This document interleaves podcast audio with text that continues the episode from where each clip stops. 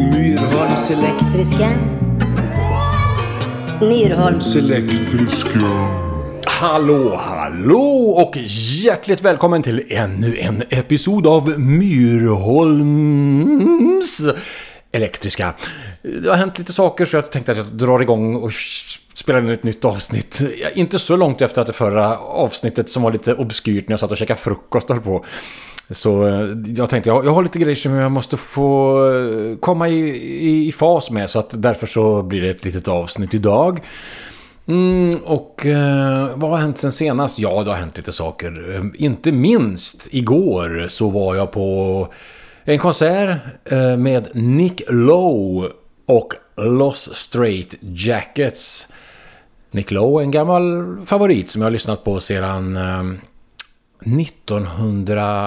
90 så kom den i cirkulation den. En, en eh, kompis, dåvarande tjej, hade den här skivan och vi var på lite... Uh, hon är den första jag känner som hade egen lägenhet. Så det var ett par tillställningar där och då kom Nick Lowe och skivan Party of One av någon anledning spelades där ibland. Och då tyckte jag den var så jävla bra. Det, det är lite roliga låtar så här, lite... Uh, ja men lite glatt och fartigt och sådär. Sen har jag lyssnat lite på lite spridda Nick Lowe-plattor eh, under åren som har gått. Så det var skitkul. Jag har sett han live två gånger tidigare. En gång med ett band. En gång med, eh, var han själv, med akustisk gitarr. Båda gångerna jättebra. Det är en sympatisk herre, jättebra låtskrivare, sångare och spelar eh, jättebra gitarr. När han kompade sig själv så jag tyckte han spelade så jädra bra. Det var ja, men alltså ett klockrent spel för eh, sina egna låtar.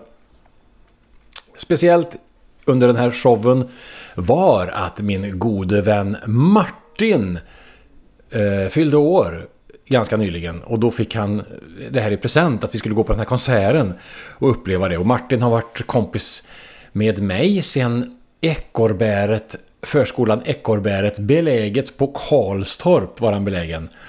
Eh, och vi började där 1978.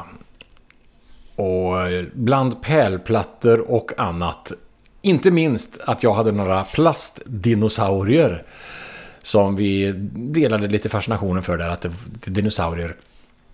Tror jag, eller fanns det kanske där? Martin, du får korrek korrekta mig. Men jag hade dinosaurier. Jo, det hade jag. Så eh, vi pratade dinosaurier och, och sen, dess, sen dess har vi ju kollat på många dinosaurier i form av rockartister som... Eh, nu är vi ju själva dinosaurier själva, nästan 50 bast. Är man ju ganska ung fortfarande tycker man. Eftersom vi har hållit oss i den... Eh, Nick Lowe som framträdde igår har nått en aktningsvärd ålder av 73 år.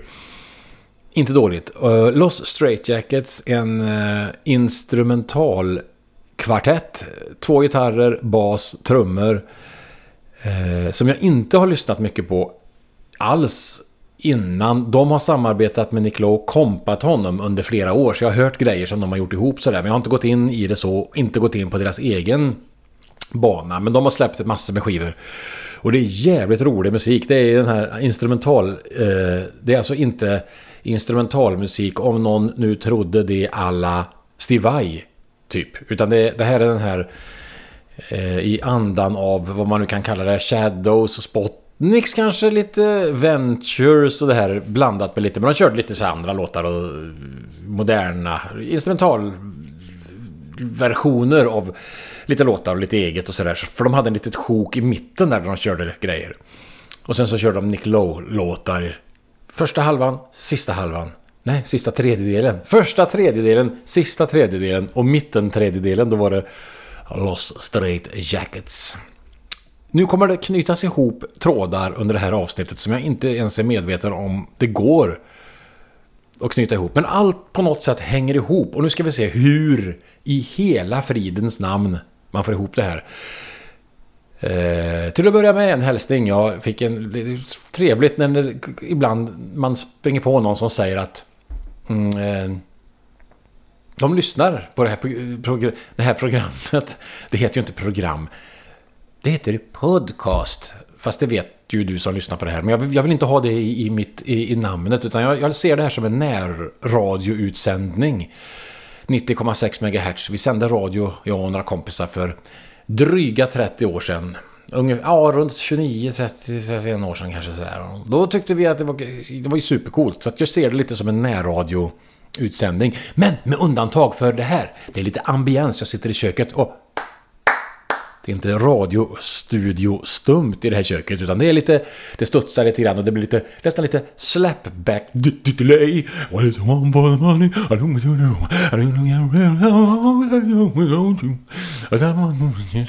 Och så vidare.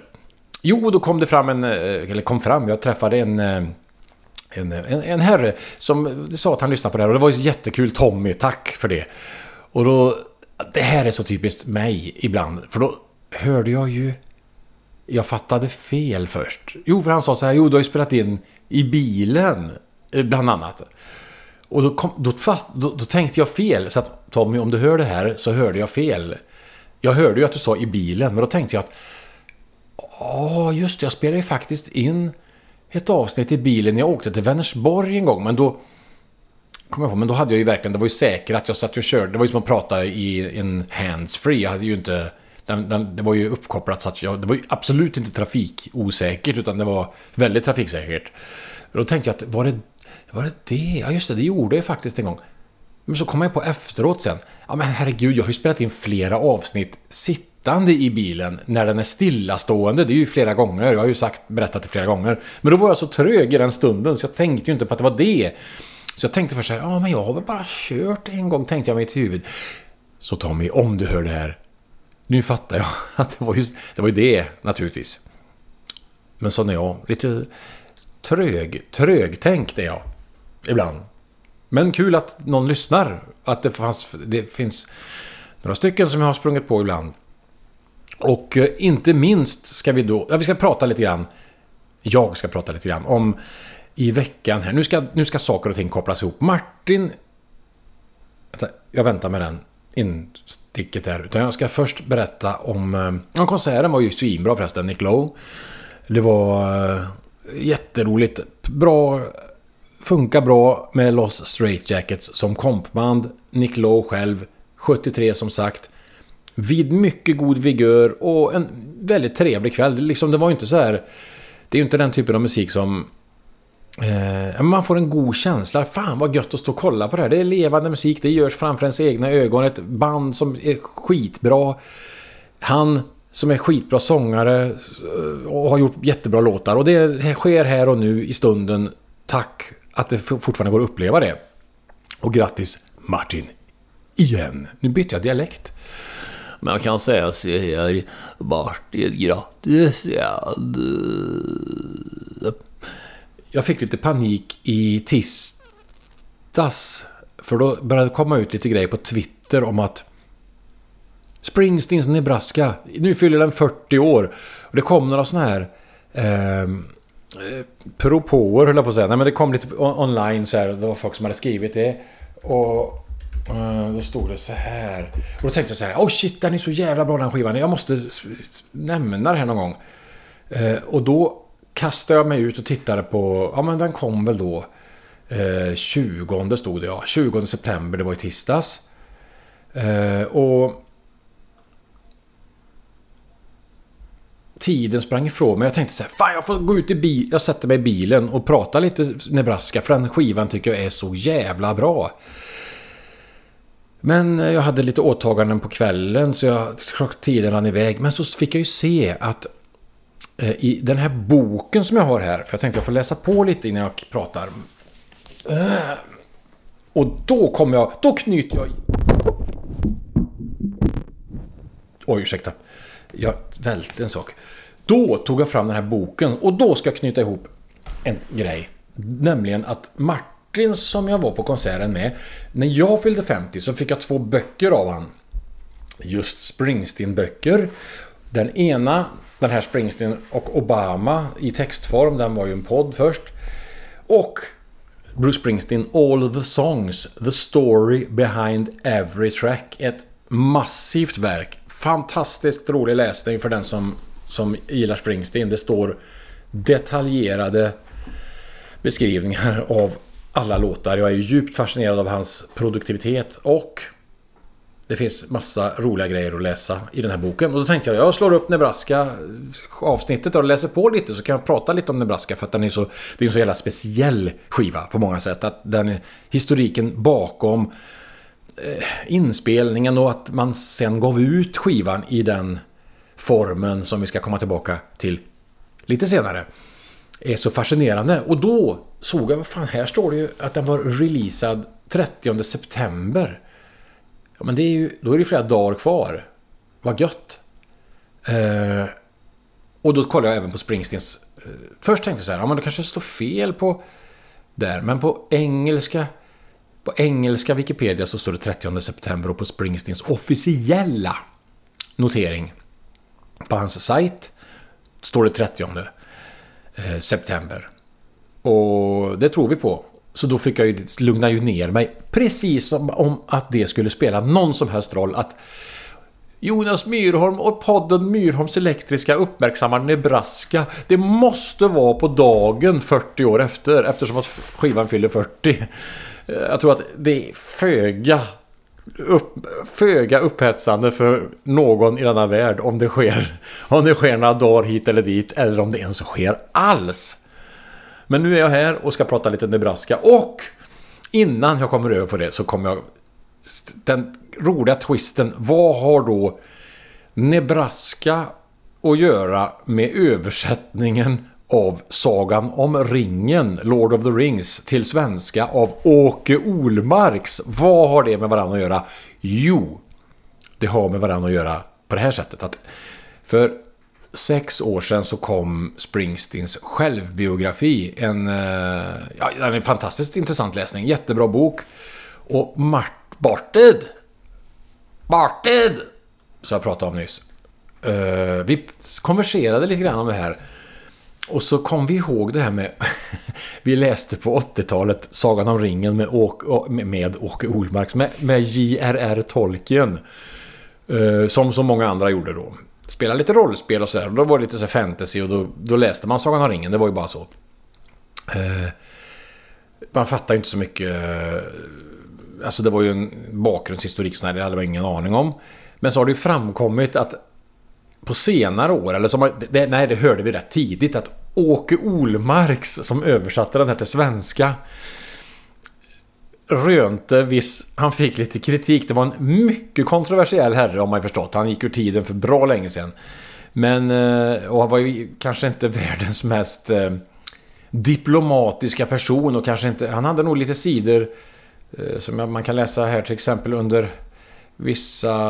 Ja, han, han var eh, något eh, kontroversiell skulle jag kunna säga på vissa sätt. Men han hamnar ju i någon konflikt senare med familjen Tolkien om översättningarna av just eh, ja, JRR själv hade väl gått ur tiden, men det var väl familjen, Hette inte, Christopher Tolkien som var någon. Jo, men då så, så står det så här att när de översatte den här, han har ju översatt den ganska, nu tittar jag på Wikipedia här för att läsa, det är ju seriöst och bara läsa upp det någon annan har skrivit, det ska man inte göra så, men det var så att han hade översatt den ganska med fria tyglar och liksom eh, tatt, lagt till saker och varit väldigt... Ehm, eh, här ska vi så diskussion. Enligt förläggaren eh, hur eh, sammanfattningen verkar vara så stor. Eh, nu ska vi se, här står det lite grann på Wikipedia om översättningarna. Eh, Olmarks var ursprungligen så här med nytolkningar. Översättningen av Lord of the Rings var en av de första som gjorde. Olmarks tolkade därför texten helt på egen hand och med stor fantasifullhet. Men han fick eh, jättebra respons av svenska kritiker, samtida sådana. Senare så kom ut den här översättningen och få jättemycket kritik för att han hade liksom eh, försvenskat vissa grejer. Eh, och, eh, Olma. I Sydsvenska Dagbladet 2004 så Tolkien ville få fram en... Eh, ja men här, en, en Malte Persson skrev i GP 2004 att, eh, om den här första översättningen att den är så späckad med missförstånd, felsyftningar, inkonsekvenser och godtyckliga tillägg att det bara kan bero på att Olmarks antingen var betydligt sämre på engelska än isländska eller att han inte tog uppdraget på allvar. Eh, och så en annan, Leif Jakobsen, har granskat översättningen och det råder ingen tvivel om att... Inget, ingen tvivel om att den svenska översättningen är bristfällig och på många sätt misslyckad. Att den broderar ut texten, hans, och att massa information som inte finns i originalet har han lagt till. Exempel som lyfts fram är Six meals a day, som i Olmarks översättning blev sex vällagade måltider om dagen. Eller Hurry unnecessarily blev i översättning slavar under den onödiga brådskans tid. Så den här lite stramare stilen broderades ut på eget bevåg. Det är ju helt, det är helt, helt otroligt. Och så, ja, så kommer det till exempel här. Olmarks översättning och så den här Erik Andersson som eh, översätter den senare... Nej, vänta, här ska vi se. Ja, just det. Erik Andersson, det var en som översatte den senare. Den kom väl 2000... Vad fan var det? Mm, eh, 2004, 2005. Ja, då kom den i, i ny, nyare ut, översättning. I Tolkiens original så står det så här. Night slowly passed. The sun rose. The hobbits rose rather later. Kort och koncist, stramt och kärnfullt. Pang på rödbetan, inga konstigheter. Åke skriver Natten svann långsamt mot gryning. Solen gick upp, men hoberna steg ju i allmänhet upp lite senare än så dags. Ja, det var lite... Lite fler ord. Eh, och sen så blev det ju... Jag tror att Olmarks blev ju... Han skrev ju böcker och rasade mot de här olika Tolkien-sällskapen. Det finns böcker, jag såg på Twitter en som heter David Nessle hade lagt ut lite grejer, utdrag ur en bok där han liksom Olmarks går till fruktansvärd attack och tar ära och heder av alla möjliga människor runt omkring. Men... Eh, men då Martin och jag snackade i alla fall om det här. Jag tror att det var på den vägen vi kom in på det. Skulle jag tro, jag vet inte. Men att tänk om någon skulle översätta Springsteens biografi till eh, svenska. Om, om man ger det uppdraget till någon som inte har en minsta aning om rockmusik, som inte fattar någonting. Som inte vet vem Springsteen är, som inte har lyssnat på en låt, som inte har en, någon förankring i musikhistorien, som aldrig lyssnat på rock. Som kanske bara har lyssnat på klassisk musik och som inte ens vet vilka The Rolling Stones är, vilka The Beatles är. Ja, det kanske har, namnet kanske har Flöget förbi någonstans, men... Eh, då skulle det kunna bli så här. Då skrev, har Martin, som jag hyllar nu och krediterar, han skrev det här. Det är liksom ett påhittat... Eh, det är ingen översättning, utan det är som det skulle kunna låtit om en helt Springsteen-novis skulle eller överhuvudtaget populärkulturmusik, Populärmusik-novis skulle kunna säga det. Så jag läser upp det här. Kapell 3. Jag tror att det hette Käpp... Käpp... Att hette någon det va? Kapell, ja, Kapell 3. När jag skrev låten Åskgatan. ja, Åskgatan är ju Thunder Road då. Det, det, det är roligt. Det var en vild och stenig kväll när jag och pojkarna hade varit på lokal och tittat på flera av dåtidens stora lokala band i Åsens bruk park. park. vild och stenig kväll. Ja, rock, rockig kväll, rockkväll. Eh, det var jag, Chiefen, inom parentes. Chiefen är ju the boss. Jag tror att jag läser igenom det först så får jag kommentera det sen. Det var jag, Chiefen, Danne, parentes Fantomen, Clarence, med K givetvis, Clarence, parentes Stora Mannen, Lill-Steve, Roy, parentes Professorn och Ernst, parentes Pang. Detta var ju innan överdådige Max kom, kom med i ligan. Alltså var detta hela E- E-gatuligan som den såg ut på den tiden. Jag hade faktiskt redan träffat min blivande chef Jan Landgren som skrev de spännande raderna Jag har sett stenmusikens... Jag har sett stenmusikens framtid och namnet är Bruce Springsteen. Nåväl, vi hade alla varit ute och festat och levt stenliv. På, på, vä på väg hem åkte vi en gammelbil. Och då kom jag på den fantastiska låten Åskgatan. Medan vi åkte från parken och hem till Nya Jonsered. Från början tyckte jag den skulle heta Julvingar. Översättarens anmärkning förmodligen för att den skrevs i jultider. Men det ändrade jag senare för att jag sett en filmaffisch med det betydligt kallare namnet... det betydligt kallare namnet Åskgatan. Och så kommer översättaren med lite inflikning. Förmodligen måste det vara den kända filmen Åskbollen som man sett en, en affisch av. Och så fortsätter texten. Ifrån den ursprungliga julvingar återstod efter många omarbetningar framförallt mest kända avslutande raderna. Det är en håla för lös...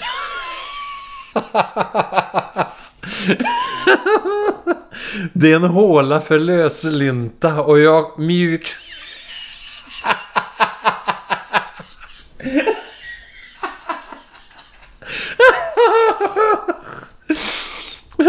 Det är en håla för löslynta och jag mjuksexar ut härifrån, härifrån för att segra.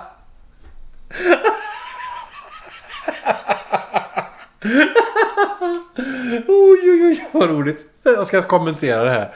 Det var en vild och stenig kväll, ja en rockig kväll, när jag och pojkarna hade varit på lokal och suttit på... Mm, I Åsensbruk Park. Det är ju, eller Åsensbruk Park. Det är ju naturligtvis Asbury Park i New Jersey där Springsteen spelade. Det var jag. Chiefen har ju alltså blivit The Boss. Uh, uh, Danne The Phantom, Fantomen, ja. Clarence, Big Man, har blivit Stora Mannen. Lill-Steve, ja det är ju Little Steven. Roy, Eh, Professorn. Han är ju professor, eller heter, kallas. Och Ernst, Pang. Pang. Det var ju Ernst Boom Carter som var med och spelade på en enda låt. Det var ju titelspåret Born to Run. Born to Run. Han kom ju inte med i bandet utan det var ju innan överdådige Max kom med i ligan.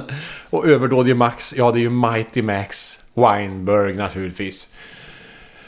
Um, och alltså var detta hela E-gatuligan. Ja, det är förstås E Street Band. Eh, jag hade redan träffat min blivande chef Jan Landgren. Ja, då hade alltså John Landau, manager, blivit Jan Landgren. Och, han har, och det är ju det bekräm, be, be, citatet där jag har sett stenmusikens framtid och namnet är Bruce Springsteen. Jag har sett rockmusikens framtid och det är Bruce Springsteen. Stenmusik, ja. Nåväl, vi hade varit ute och festat och levt stenliv. Ja, rockliv alltså. På väg hem åkte vi en gammelbil, ja det måste vara en Oldsmobil. Och då kom jag på den fantastiska låten Åskgatan, det är ju Thunder Road. Men när vi åkte från parken och hem till Nya, Nya Jonsered, ja det är nog i New Jersey. Från början tyckte jag den skulle heta Julvingar. Wing, Wings of... We, den hette... Äh, Thunder Road, den hette ju Wings of... Äh, vänta nu. Äh, Wing... Det är ju en klassisk Springsteen... Wing, we, wings of Wheels... wheels of... Wings for Wheels, så är det ja, precis. Wings for Wheels. Den hade något med det att göra. Ja, det är en instrumental slut som är Thunder. Alltså, jag tror att det är någon, någon, del av det hela, av låten som hette Wings for Wheels. Så att eh, på det, på det så, så var det. Eh, och eh, hjulvingar ja. Wings of Wheels for Wheels. Eh, Åskgatan, ja. Eh, Thunder Road. Och Åskbollen var det ju inte. Utan hade jag ju sett faktiskt då eh, filmen som var... Eh, nu kommer jag inte ihåg vilken var. Jo, Robert Mitchums film. Den heter Thunder Road. Men han har inte sett den. Men han skulle tydligen ha sett en eh, filmaffisch. Filmen var ju gammal. Den kom från 58.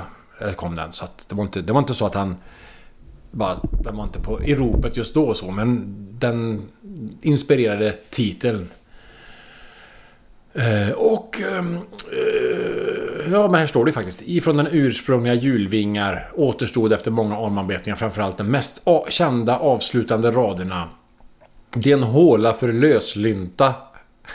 och jag mjuksexar ut härifrån för att segra. Ja, Morton slutar ju faktiskt It's a town full of losers and I'm pulling out of here to win.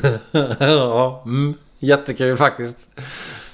Och eh, ja, det var roligt. Sen var ju det där skämtet då liksom att vi...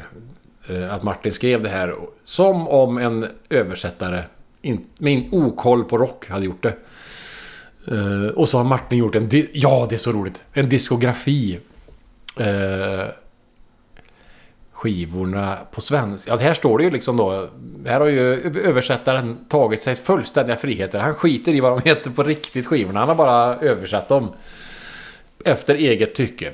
Greetings from Asbury Park, New Jersey. Den heter Hälsningar från Åsensbruk Park. Park. The Wild Innocent and the E Street Shuffle har blivit De vilda, inåtvända och E-gatusufflén. Born to Run? Ja, det är född att springa. Darkness on the Edge of Town? Dysterheten vid stupet av staden. uh, the River? Älven? Nebraska? Den heter Närke. Born in the USA? Född ifrån USA. Tunnel of Love heter här Kärleksgrottan. Eh, och sen har vi Human Touch. Kroppsröra. Lucky Town är Lyckobyn. Och The Ghost of Tom Joad, anden hos Thomas Johansson. Och The Rise... The Rising heter kort och gott st- Ståndet. Devils and Dust. Jävlar vilket damm. och så Seeger Sessions. Vad heter den mer? Den heter ju... Seeger Sessions kolon. Ja, den heter i alla fall Vi kommer över vinstsessionen. Vad roligt. Magic har blivit trolleri. Work, working on a dream är eh, drömjobb. Wrecking ball är vräkningskulan. Och high hopes eh, 2014 är höjdhopp. Eh, det är Springsteens diskografi fram till 2014 i händerna på en översättare som aldrig har någonsin i sin... Eh, någonsin i sitt liv varken hört eller sett eller vet någonting om eh, populärkulturella ting. Jag ska ta och läsa så skrev jag en liten blänkare här, alltså en fake fejkad artikel eh, som inte, självklart inte är publicerad någonstans. Det är bara för, för skoj. Som jag skickat till Martin. Uh, Arne Tulliander heter han, översättaren här. Det, det är som att det här är en, en text som jag skrev och skickade till Martin. Som om den här översättaren hade fått, fått uh, motstå mycket kritik för sin, sin översättning här. Och uh, då, då lät det så här. Rubrik. Översättaren om massiva kritiken. Och så är nedryckare, som det heter. Citat. Utan tvivel tillåtet att ta sig vissa friheter. Ingress. Den svenska översättningen av Bruce Springsteens självbiografi Born to Run får fansen att rasa. Nu talar översättaren Arne Tulliander ut om den massiva kritiken. Springsteen växte upp i Nya Jonsered, hängde i Åsens bruk park med Lillesteve, Stora Mannen och de andra i E-gatuligan. Han åkte gammelbil, spelade på Stenponnyn och har gett ut skivor som Älven, Närke, Kärleksgrottan och Stånden. Ståndet. I folkmun kallades han Chiefen. När det tidigare i veckan började läcka ut information om den svenska översättningen av Born to Run parentes född att springa, lät inte reaktionerna vänta på sig. Ett hån, så kränkande och citat totalt respektlöst, löd några av kommentarerna på Twitter. Arne Tulliander, professor i germanska språk med litterär inriktning, har verkat som översättare sedan 50-talet. När Tulliander fick förfrågan om att ta sig an Born to Run tvekade han först. Visst hörde jag som alla andra det som spelades i radion under min ungdom på 40-talet, men lättare underhållning har aldrig fallit mig i smaken. Jag hade inte hört talas om Mr Bruce Springsteen innan jag blev kontaktad av förlaget. Men jag tyckte att det lät som ett spännande uppdrag så jag tackade ja efter att ha funderat ett par dagar, berättar han. Du har tagit dig väldigt stora friheter med originalmaterialet och många fans är upprörda över att du till exempel omarbetat hela låttexter till svenska, har hittat på egna platser och uppfunnit en helt egen musikterminologi. För att göra den stora berättelsen begriplig ansåg jag det nödvändigt att anpassa den till svenska förhållanden. Jag har snarare tolkat originaltexten än utfört en ordagrann översättning och då är det utan tvivel tillåtet att ta sig vissa friheter för ett bättre helhetsintryck. Men tror du inte läsarna att läsaren som vill veta mer om Springsteens liv känner sig lurad? Jag har mångårig erfarenhet av att jobba med andras material och vet vikten av att för... Och där är det slut. Så det var det skämtet slut. Men det kom upp som ett minne på Facebook idag. Helt otroligt eh, kul. Eh, bra tajmat. För då kunde vi knyta ihop Sagan om ringen, presenten jag fick av Martin med Springsteen-boken och det här lilla skämtet som vi ägnade oss åt för, för eh, sex år sedan. 2016 kom biografin och det var då vi spann loss lite grann. Nu över till... Eh, nu över till Nebraska. Skivan som kom 30 eh, september. Jag är så jädra förtjust i den här plattan. Den kom, som jag tidigare nämnde, 30 september 82. Då var jag 10 år. Inte överhuvudtaget kunnig för fem öre om Bruce, om en, om en Mr Springsteen hade jag aldrig hört talas om. Det skulle ske lite senare. Jag blev ett fan. Ja, men det var ju mitt 86 började jag lyssna på allvar. 87 då började det eskalera och sen så fortsatte det så. Så att den här skivan köpte jag under den eran när man liksom upptäckte, upptäckte Springsteen. Eh, den var inte... Den första jag köpte tror jag var... Ja, det kommer jag inte ihåg. Jag hade lyssnat på kassett på The River, Born in the USA och Born to Run. Och sen började köpa de här skivorna. Och skulle tro att Nebraska var en... Då hade jag redan några plattor. Jag hade lyssnat mig in eh, på det. Som jag minns det köpte jag den på... Jag kommer inte ihåg. Jag vet att jag var på Siba när det låg nere på Storgatan. Där hade de den. Jag kommer inte ihåg om jag köpte den där. Eller om jag köpte den på skivmagasinet. Eller tror inte jag hade hittat till Trestads musik då, för det låg på Tunhemsvägen. Så att, nej, det var inte där, utan det var antingen skiv... Skivmagasinet skulle jag tro. Men det kan ha varit Siba. Det är ju helt ointressant för den som lyssnar. Det är bara att jag vill katalogisera mitt eget liv för att förstå mig själv. Hur, vilka val kan ha legat bakom det? Och nu ska jag förflytta mig. Jag ska sätta mig på ett annat ställe. Oh. Myrholms elektriska Myrholms elektriska. Så är jag på väg ut i bilen. Det blir så att jag sätter mig där ändå. Jag får fortsätta där. Jag behöver lite enskildhet så att säga. Jag hoppar in på passagerarsidan. Det är ju det som är så suspekt. Jag har ju suttit där förut. Grannar har sett mig.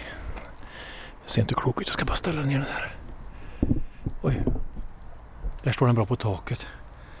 Så. Nyckeln upp.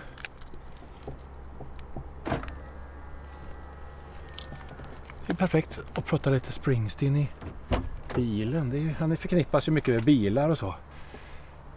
Ska jag ska lyfta in den här, försöka smita in utan att det låter för mycket. Men det kommer jag misslyckas med för jag är så osmidig. Men vänta, jag har en vinylplatta, den ska inte knäcka för den. Uh, var var jag någonstans? Vänta. Åh oh, gud. Oj, famnen full i grejer. Vänta. Ah. Oj. Det är en dator där också. Och så sätet var långt fram. Och nu kommer det, nu kommer det folk. Jag får smita in. Ska vi se. Jag har en pannlampa också. Ska vi se om man kan stänga utan att det... Så. Nu sitter jag... Kan man tända lampor här? Ja det kan man. Men nu tänder jag lampan. Uh, ja men då är jag tillbaka. Fan vad svagt ljus. Ja men då är jag tillbaka här. Nu sitter jag i bilen.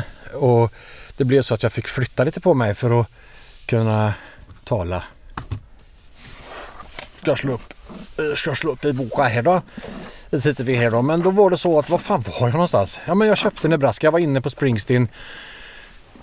Och eh, den skivan som jag då fick beträda in i Nebraska, det är, är en väldigt speciell eh, samling sånger som jag får fan ta på pannlampa. Det är så jävla mörkt här inne.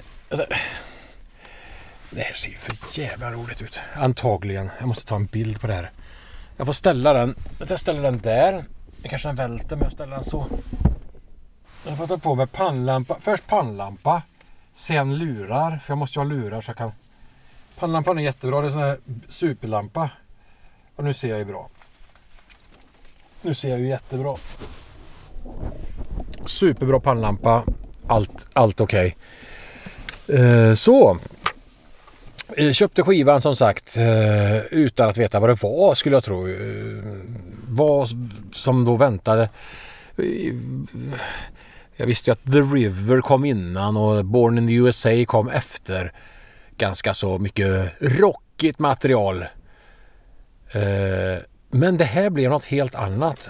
Och bakgrundshistoriken är Eh, The River, det var ju turnerades ju friskt efter The River och eh, sen så börjades det spela in efter, efter, vad är det som låter?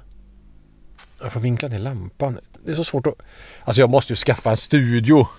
Jag kan inte hålla på så här, vänta. Så, jag ska vinkla upp boka.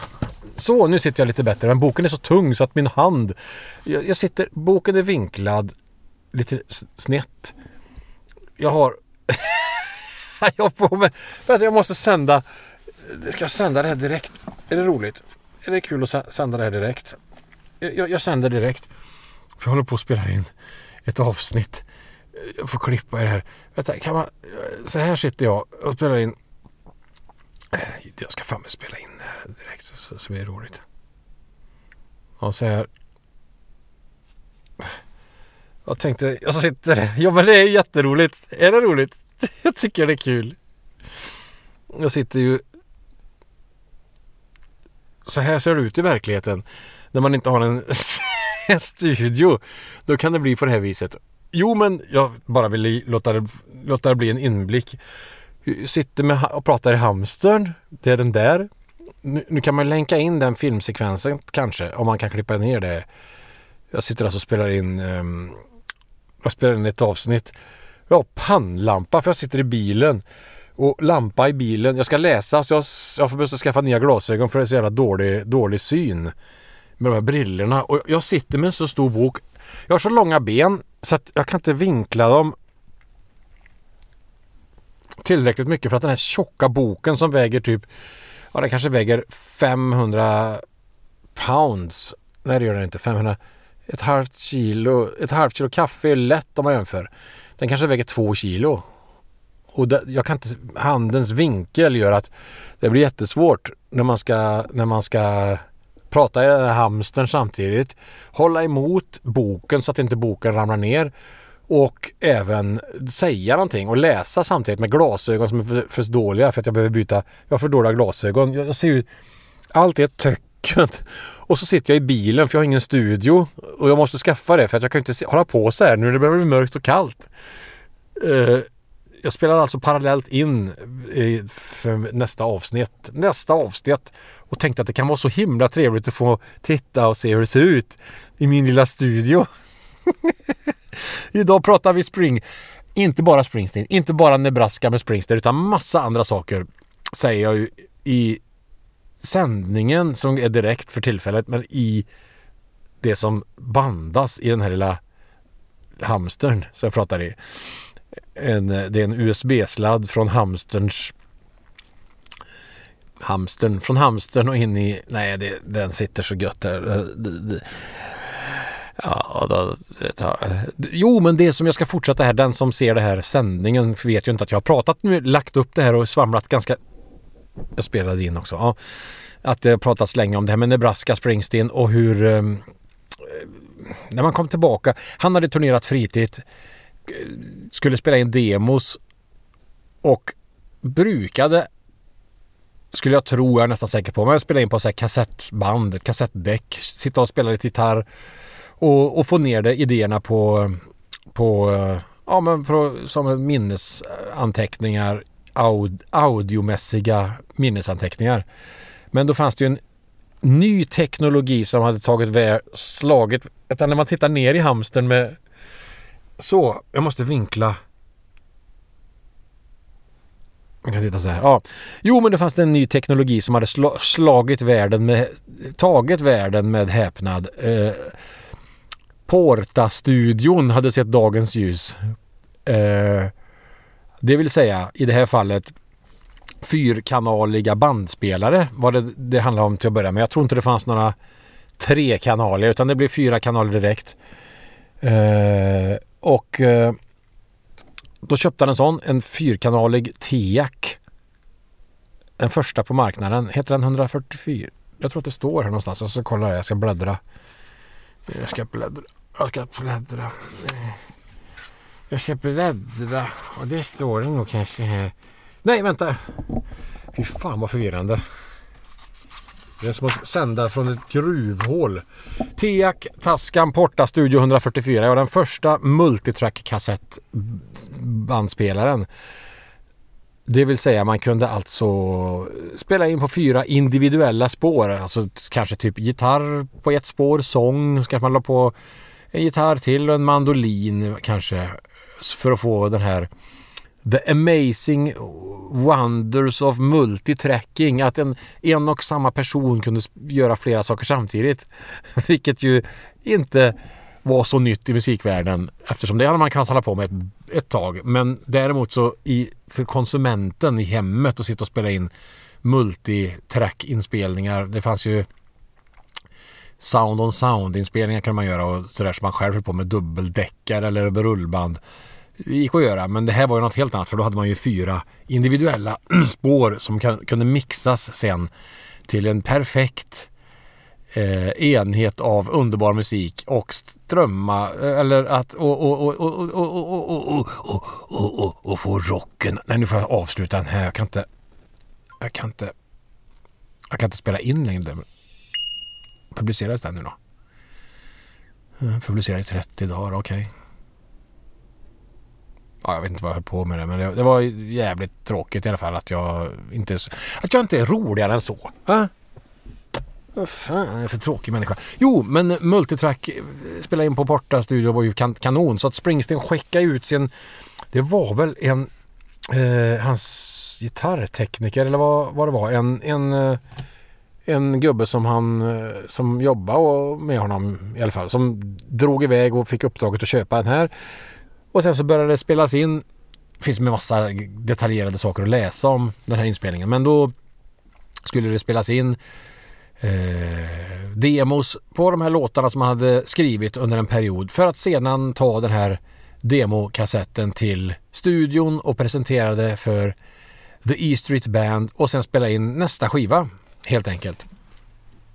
Och så blev fallet. Det spelades in, det finns massa kuriosa runt själva inspelningen och sådär. Vad han använde för gitarrer. Tydligen två SM57 mikrofoner. En av de mest klassiska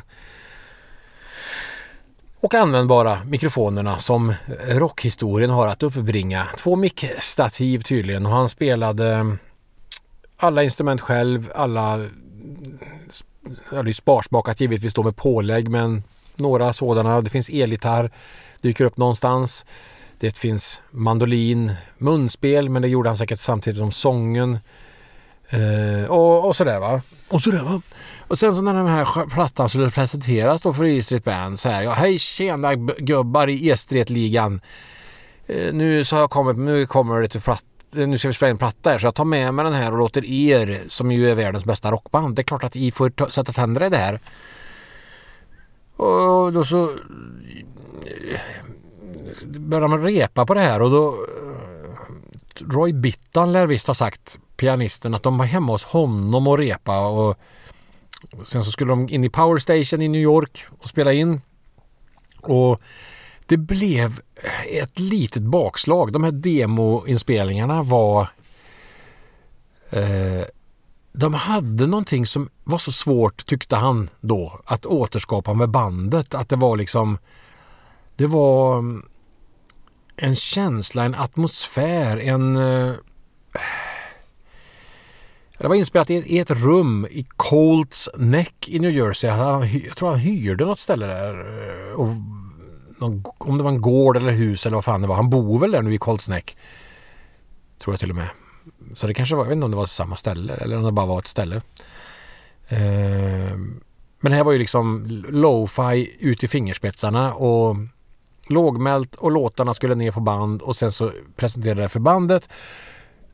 Men det funkar inte riktigt. Han tyckte inte att det blev... Det lät inte som... Det, det fattades något från de här demoinspelningarna. Och de hade ju spelat, mixat ner det på en kassett som han gick runt med i fickan typ. Så här.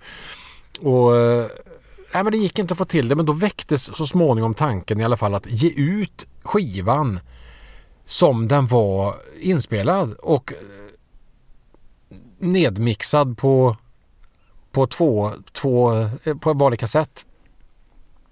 Och det var ju liksom massa skavanker på den här inspelningen. Det var ju första grejerna de spelade in och det vet man ju själv när man har precis skaffat och sånt där. Man har ju inte alls koll på ja, men kanske nivåerna, hur det var inspelat var ju väl inte optimalt och jag tror att de hade satt, det går att ställa farten på på själva kassetten en sån här, eh, vad heter det, en eh, trim. Ja, man kan ju öka farten, variera farten. Jag tror att de hade var lite meckel med det där. Så vissa grejer var inspelade på ett visst sätt och sådär.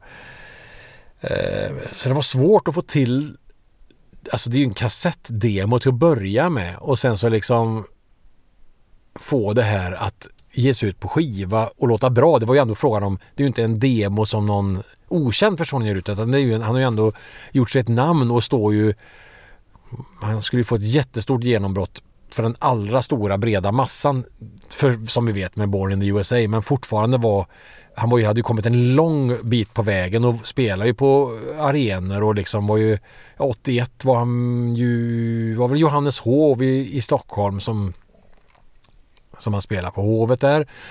Och eh, ja, det var ju arenor där man ju sett det finns fantastiska otroligt mycket fina liveupptagningar från 1980-81 eh, turnerandet. Så att det var ju inte liksom en obskyr artist som skulle ge ut sin första, som tänkte att så här, okej okay, jag köper en portastudio och ger ut, trycker upp en vinylplatta för att det är sköj. Utan här var ju ändå frågan om någon som var etablerad och på, kanske på väg att etablera sig ännu mer. Och att då våga eh, efter The River som är en helgjuten skiva på så jävla många sätt där stånkiga rockare varvas med lite lugnare fantastiskt fina eh, andra låtar, lite lugnare grejer som men jättebra texter. Ja, men en genomarbetad platta på helt fantastiskt sätt som låter den är lite slamrig på sina ställen men jag tycker den låter för jädra bra. Det, är ju, det, är som ett, det känns som ett liveband som spelar den och det är ju det i mångt och mycket som det är frågan om också. Det görs det är inga så här Def Leppard tre, års, tre år för en låt typ. Inte den nivån utan det här är mer Okej, okay, ni mixar er själva, in och kör och så ni vet hur ni ska få det här att låta bra och då gör de det och så blir det bra. Så att, att ta steget då att ha det här låtmaterialet, Nebraska-inspelningarna, det fattar man ju själv eh, att han borde insett att det är jävla potential i de här låtarna. Men sen så ändå komma till den insikten att dels skippa bandet och dels att välja att ge ut det som det var och inte spela in det akustiskt igen och försöka återskapa det fast med kanske bättre studioteknik utan nej fan det, den här har någonting den här inspelningen. Det finns någonting över det som, som inte går att ta på. Och det är det som är en av anledningarna till att jag älskar den här skivan så oerhört mycket. Det är en magisk stämning, något ödesmättat, något eh, både finstämt, ödesmättat, lite eh, den är väldigt filmisk. Jag tror att han sa det någonstans, jag läste det, att det, det är liksom en sån här man kan ligga och lyssna på med ljuset släckt och i mörkret och bara drömma sig bort. Det är stories, det är eh, livsöden som man får möta tillbakablickar tror jag i lite drömska tillbakablickar på hans egen barndom och lite Eh, och musiken så... Eh, hur fan ska jag beskriva det? Men det är i alla dessa skevheter och den lofi settingen med hans röst. Det, det, är ju inte menat att det här ska ges ut. Det, det är ju verkligen demos men han gör det ju liksom eh, så jävla bra. Och jag förstår hur fan ska man återskapa det här när man lyssnar på de här låtarna då är det ju uppenbart att de är eh, untouchable. Det, det är så rätt att, att, det, att det gavs ut i det här i, det här, i, i sin form. Och det är mono dessutom. Jag vet inte om det är panorerat någonting. Men det gavs tydligen ut någon fake stereoversion sen. Eh, jag ska göra så här. Jag ska ta upp min... Det fanns massa fakta i boken. Jag läste ju inte dem. Jag bara svamlar på. Men det finns... Jag har skivan här i min hand där, där jag köpte 1987 måste det ha varit. Eller 88. Jag förknippar den jättemycket med sommaren 88. Eh, av någon anledning. Och skivan är fantastiskt omslag. Fotograf eh, han heter David Kennedy som har tagit den svartvita bilden. Det är en bil på väg på en liten väg. Öppna fält. Svartvit bild. Snö på motorhuven. Så det står bara Bruce Springsteen i röda bokstäver Nebraska. En så jävla mäktig inramning till den här musiken. Det, det är klockrent. Det, det, det går som Hanna i handsken. Men eh, om man då ska titta på låtarna. Man flippar upp den. Jag köpte den här. Det är en press från eh, en Hollandspress skulle jag gissa. Eh, står det här någonstans? Ja, printer in Holland.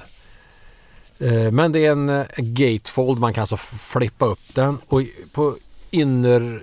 In, när man har vikt upp den så på vänster, vänsterdelen där så står Bruce i något hus. Eh, en svartvit bild också med en sån här väldigt rå rå känsla, lite överexponerad i ansiktet i, i ett rum med någon eh, ja, jag vet inte vad det är. Gammalt ser det ut i alla fall. Gammalt och ödesmättat. Eh, så har vi låtarna då. Bara bra låtar. Jag skulle vilja påstå att alla låtar är maximalt bra. Några kanske sticker ut lite mer än andra men generellt sett bara bra låtar. Eh, Nebraska öppnar en Ja, jag behöver inte gå igenom vad de handlar om. Det får man lyssna på själv. Jag ska inte... Det står i den här boken också om All the Songs. Det är ju stories bakom alla, var han har fått saker och ting ifrån. Och det, det kommer... Eh, ja, man, man, tolkar det ju på sitt sätt ändå. Man väver in saker. Jag gjorde det när jag... Jag hade ju inte en aning om många av de här sakerna som besjungs. Men liksom öppningen I saw her i saw her standing on her front lawn, just a twirl in her batoon. Me and her went for a ride sir and ten innocent people died. Så börjar den överraska. Det är en ruggig text. Om död och misär. Eh, lågmält verkligen. Atlantic City, nästa låt. Det är ju en av de bästa Springsteen-låtarna överhuvudtaget. Och i den, fy fan vad bra. Den är så jävla bra. Eh, texten, ja det är top notch. Men han har ju, sen den har han gjort med bandet också fått uh, lite mer eh, uh, chevung i. Men, uh, och det är klart, stå och lira den om man ska spela Atlantic City som den är på skivan. Han har ju spelat akustiskt live vissa av de här låtarna men den här låten kanske Ja den, den funkar ju akustiskt också såklart men det, det blir ju en annan sak med bandet in, på en arena tänker jag. 65 000 pers står och då, då är det en annan sak naturligtvis och, och få den där intima stämningen även om han är ju jävligt bra på det och kunna få, få, ska, få en arena att kännas som en, ett litet vardagsrum egentligen. Eh, Mansion on the Hill. Ja, också en bra låt. Jag behöver inte... Ja, men jag rabblar väl igenom dem och säger... Jag kan säga vad jag tycker om dem. Nebraska, högsta betyg. Atlantic City, högsta betyg. Mansion on the Hill, There's a place out on the edge of town, sir, rising above the factories and the fields. No, no. Oh, jag ryser bara jag läser det. Jättebra låt. Fem. Johnny 99. Oj, vad bra. Well, they closed down the auto plant in Marwa late that month. Ralph went out looking for a job but he couldn't find none. Den texten är också, det är så briljant. Fem stjärnor till den. Highway Patrolman. Uh, den lilla storyn där, den också. Den låten tycker jag är jättebra. Den är ganska lång men man kommer in i storyn och uh, den blev också en film med Sean Penn, Indian Runner. Uh, på 80-talet. Det är faktiskt en film i en låt kan man säga. State Trooper. New Jersey Turnpike. Riding on a wet night. Och den är så mystisk. Man tänker sig så här, den här låten, att du är liksom bara en natt någonstans. Jag tänkte New Jersey, det är Trollhättan. Man tänkte så här förr på Saab, eh, tornade upp sig i Stallbacka industriområde. Man är ute på natten, jag hade inte körkort på den tiden. Naturligtvis inte för jag var bara 15-16 när jag lyssnade på den här plattan och fick, blev helt kär i den. Men det var ändå någonting så här, en buss på väg någonstans, sen kväll, Trollhättan, skylinen, Trollhättan skyline som inte kanske finns på det sättet som när man betraktar Manhattan från New Jersey-sidan. Men uh, New Jersey Turnpike riding on a wet night neath the refinery's glow out where the great black rivers flow. License registration, I ain't got none.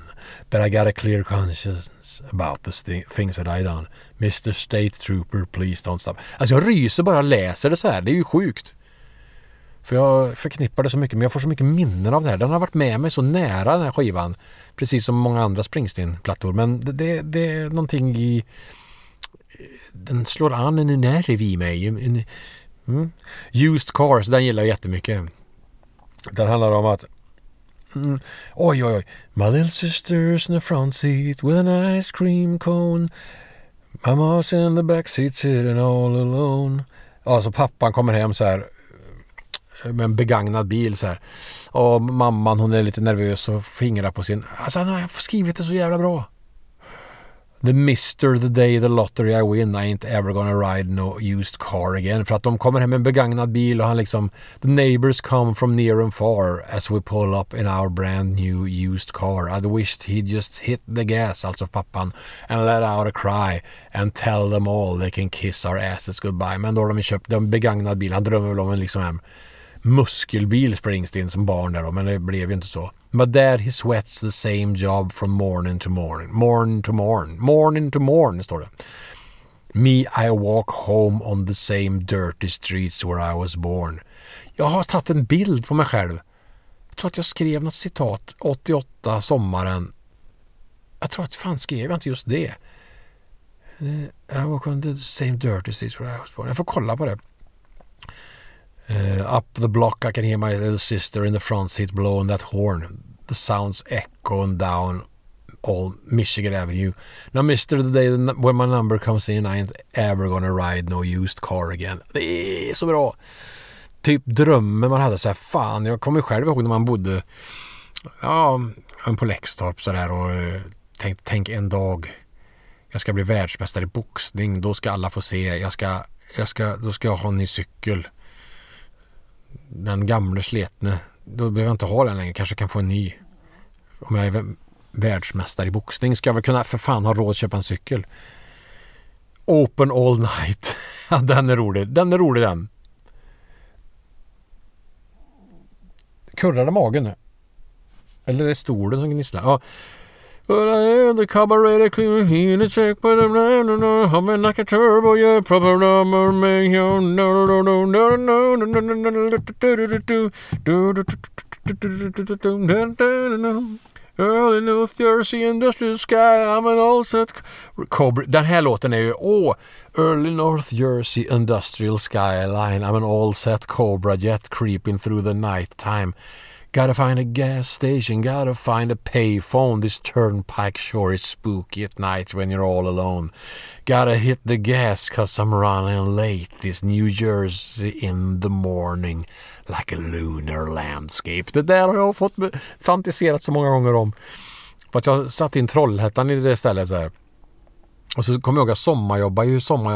Jag började jobba som eh, elektriker Ja, det var inte den sommaren. Det var sommaren 89. Men man har haft med sig så här.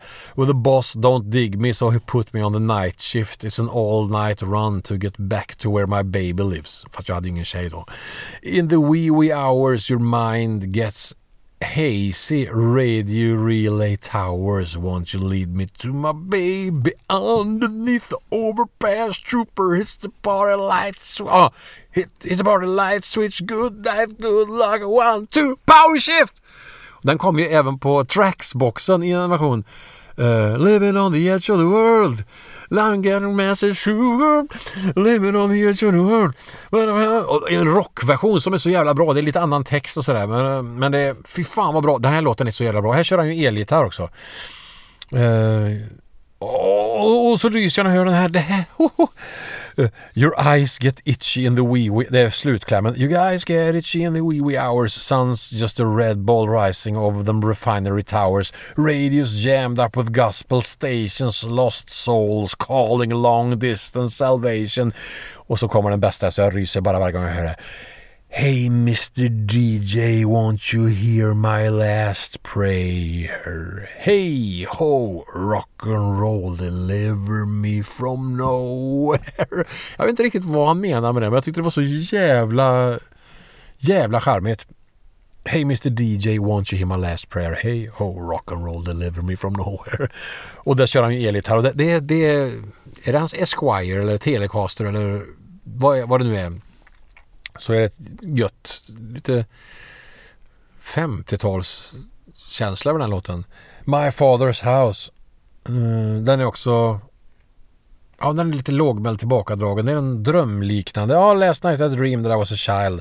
Out where the pines grow wild and ja, tall. Och det, det, den är jättebra. Ryslig faktiskt. En rysarlåt också. Och så avslutas eh, den med Reason to Believe, det är också en femstjärnig... Det är bara femstjärniga låtar på den här. Femstjärniga texter, femstjärniga låtar på ett femstjärnigt album. See the man standing over there down Jag kan inte sjunga Springsteen, det är ju Helgerån. He's looking down kind of... Jag försöker inte ens sjunga, jag bara förmedlar texten. He's looking down kind of... Poking the dog with a stitch. Got his car, dog, car door flung open. He's standing out on Highway 31. Like if he stood there long enough, that dog get up and run. Struck me kind of funny. Seemed kind of funny, sir, to me. Still at the end of every hard-earned day People find some reason to believe. Och så fortsätter det en massa olika reasons to believe. Ja, det slutar sorgligt. All Words of Music by Bruce Springsteen, copyright 1982. Mm. Recorded in New Jersey by Mike Batlin. Det är Mike Batlin som gick ut och köpte eh, Borta-studion. Uh, on a TIAC Tascam Series. Ah, Tascam! T undrar om inte brorsan hade en senare modell av just Tascam. On a TIAC Tascam Series 144 4-track cassette recorder mastered at Atlantic Studios by Dennis King, mastering consultants Bob Ludwig, masterdisk, and Steve Markusen. Steve Markusen, percussion, per, precision lacquer. Mm, och så har vi eh, album design Andrea Klein, fotografi som jag sa David Kennedy. Och once again special thanks to Chuck Plotkin for his help in the comple completion of this record. Thanks always to John and Steve. Ska det vara John Landau det och Lil Steven, Steve Van Sant. Skulle jag tro. Eh, ja men det var den. Nebraska. Eh, avsnittet här. Jag visste inte riktigt hur jag skulle tackla det. Det är svårt. Jag visste inte riktigt hur jag skulle tackla det. Jag visste inte riktigt hur jag skulle tackla det men Fan jag tacklade genom att hålla den här helt snett. Och jag visste inte hur jag skulle tackla det men nu blev det i alla fall ett... Det blev eh, lite snack om Nebraska. Jag kommer tillbaka en annan gång med ett annat avsnitt. Lyssna gärna på den här skivan. Den är väl värd att, eh, att, att ge en chans. Jag tror att en del, om det är någon som lyssnar på det här så kanske du har hört den här många gång. Men den som inte har gjort det, vilken underbar värld att träda in i. Släck lamporna, slut ögonen och åk med in i Nebraska. Hej då! Myrholms Elektriska. Myrholms elektriska.